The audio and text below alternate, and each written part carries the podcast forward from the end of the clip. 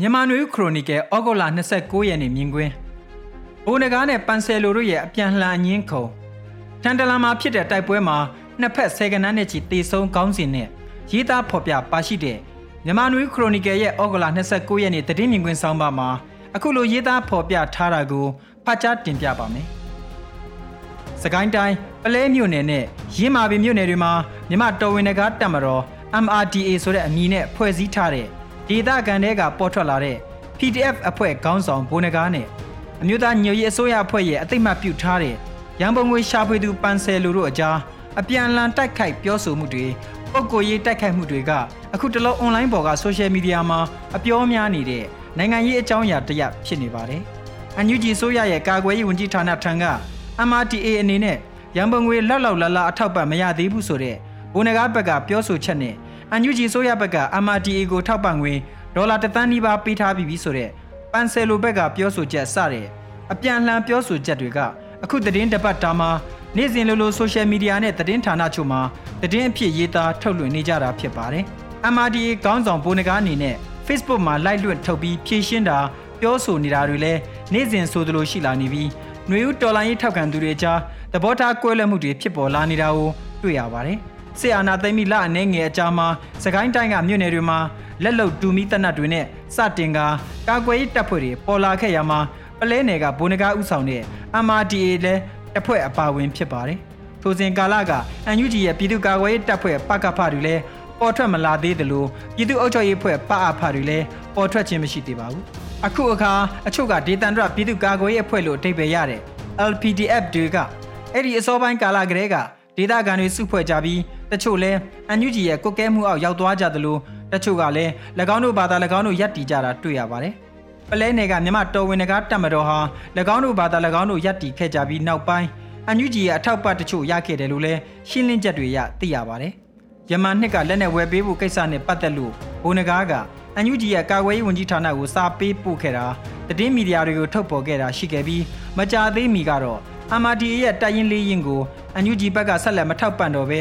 မိမိတို့ဘာသာဆက်လက်လှုပ်ရှားဖို့အသိပေးအကြောင်းကြားရာကစတင်ပြီးအခုလိုအပြန်လှန်ပြောဆိုမှုတွေဖြည့်ရှင်းမှုတွေဖြစ်ပေါ်နေတာဖြစ်ပါတယ်။ဘိုနဂါဟာမီဒီယာဆက်ဆံရေးအများလူထုကိုဆက်ဆံရေးတွေမှာအပြောဆိုကောင်းသူရင်ရင်ကြည်ကြည်နဲ့စကားကိုတွေ့ဝိုက်ပြီးလိုချင်တဲ့ရည်ရွယ်ချက်ရအောင်ပြောဆိုတတ်သူဖြစ်လို့သူ့ကိုထောက်ခံသူသူ့ဘက်ကရက်တီသူတွေလည်းအများပြားရှိတာဖြစ်ပါတယ်။တစ်ဖက်မှာတော့အန်ယူဂျီအစိုးရအနေနဲ့ တနည်းကာကွယ်ရေးဝန်ကြီးဌာန MOD အနေနဲ့အခုဖြစ်ပျက်မှာဘယ်ကိစ္စတွေဘယ်လိုဖြစ်ပျက်ခဲ့တယ်ဆိုတာကိုဘိုးနဂါနဲ့တိုက်ရိုက်ဆက်သွယ်ပြီးဖြည့်ရှင်းကဒီအကြောင်းအရာနဲ့ပတ်သက်လို့ဘယ်လိုဆက်သွယ်ဖြည့်ရှင်းပြီးကြောင်းအများပြည်သူကိုရှင်းပြတာသတင်းမီဒီယာတစ်ဆင့်ပြန်လည်အသိပေးတာလှုပ်ဆောင်သင့်တယ်လို့မြင်ပါတယ်။အန်ယူဂျီရဲ့သက်ဆိုင်တဲ့ဝန်ကြီးဌာန MOD ကဖြည့်ရှင်းတာမတွေ့ရဘဲထောက်ပံ့ရေးရန်ပုံငွေရှာဖွေရေးမှာနာမည်ကြီးလူသိများတဲ့ပန်ဆယ်လိုကဘိုနဂါကိစ္စကိုအန်ယူဂျီဘက်ကရပ်တည်ပြီးဆိုရှယ်မီဒီယာကတစ်ဆင့်ရှင်းလင်းနေတဲ့အဖြစ်က လှုပ်ထုံးလုံနီးမကြသလိုအရက်သေးကဖြည့်ရှင်းနည်းဖြစ်ပြီးစနစ်ကျတဲ့အဖွဲ့အစည်းတစ်ရက်ကတရားဝင်နီးလန့်တဲ့ဖြည့်ရှင်းပုံမျိုးမဟုတ်တာတွေ့ရပါတယ်။အချို့သောအချက်လက်တွေကအန်ယူဂျီဘက်ကတာဝန်ရှိတဲ့သူနဲ့ဘိုးနဂါတို့ကြားတိုက်ရိုက်ဆက်သွယ်ပြောဆိုဖြည့်ရှင်းတဲ့ကိစ္စတွေဖြစ်ပြီးအများပြည်သူကိုအဖြစ်ပြအစုံချခင်းပြီးရှင်းပြဖို့မသင့်တော်တဲ့အကြောင်းအရာတွေလည်းဖြစ်ပါတယ်။ဘယ်သူစီကတဆင့်ပေးတယ်ဘလောက်ပေးတယ်ဘယ်လိုပေးတယ်ဆိုတာမျိုးတွေကအများပြည်သူရှေ့မှာထုတ်ပေါ်ပြောဆိုနေကြဖို့မသင့်တော်ပါဘူး။ တစ်ဖက်ရန်သူအနေနဲ့အန်ယူဂျီ MOD ရဲ့လုတ်ပုံကိုင်းပုံဘိုးနဂါတို့ဖွဲ့ရဲ့လုတ်ပုံကိုင်းပုံတွေကိုအသိပေးလိုက်တယ်လို့ဖြစ်ပြီးလုံခြုံရေးအရာအချက်လက်ကျိုးပေါက်ရလဲကြတာပါဒီဖြစ်ပျက်နေတဲ့အနေအထားကိုအရက်သေးကဖြည့်ရှင်းပုံမျိုးနဲ့ဖြည့်ရှင်းတာအမြန်ဆုံးရပ်တင်ပြီးတိုက်ရိုက်ဆက်သွယ်ဖြည့်ရှင်းပြောဆိုတာတွေလုပ်ဖို့အကောင်းဆုံးအခြေအနေကတော့အခုလိုကာလာပဲဖြစ်ပါတယ်ဒီနေ့သတင်းတွေထဲမှာချင်းပြည်နယ်အလဲပိုင်းကလူမနေတော့တဲ့ထန်တလန်မြို့မှာချင်းမျိုးသားတပ်ဦးနဲ့ CTF ဟာခါလက်နက်ကင်ဖွဲ့တွေပူးပေါင်းပြီးစစ်ကောင်စီရဲ့တပ်ရင်းနဲ့တပ်ဆွဲထားတဲ့နေရာချုပ်ကိုတွားရောက်တိုက်ခိုက်ခဲ့ရမှာတိုက်ပွဲပြင်းထန်စွာဖြစ်ပွားပြီးစစ်ကောင်စီဘက်ကရောချင်းလက်နက်ကိုင်အဖွဲ့တွေဘက်ကပါဆယ်ကနန်းနဲ့ချီတဲ့တိတ်ဆုံမှုတွေရှိခဲ့တယ်လို့သိရပါတယ်။ထန်တလန်မြို့ဟာ2021ခုနှစ်စက်တင်ဘာလကတည်းက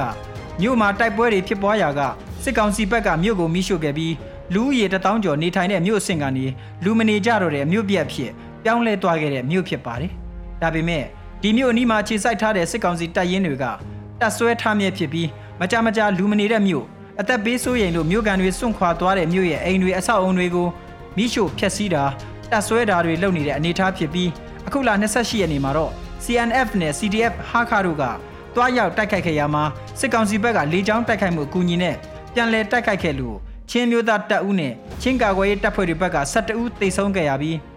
စစ်ကောင်စီဘက်ကလည်းအနည်းဆုံးအယောက်20လောက်သေဆုံးခဲ့တယ်လို့သတင်းတွေကဖော်ပြထားကြပါတယ်။ချင်းပြည်နယ်မှာချင်းလူမျိုးတွေအကြားမှာဆယ်စုနှစ်နဲ့ချီကြာဖွဲ့စည်းခဲ့တဲ့ချင်းမျိုးသားတပ်ဦး CNF က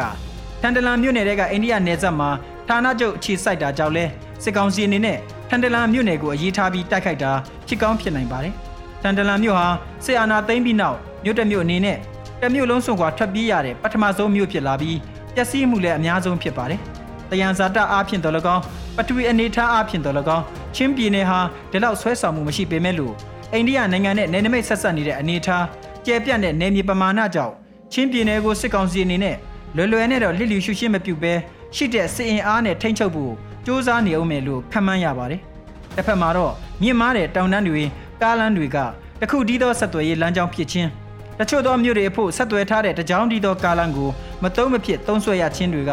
စစ်ကောင်စီအနေနဲ့စစ်ရေးအရအားနည်းချက်လို့ဖြစ်ပြီး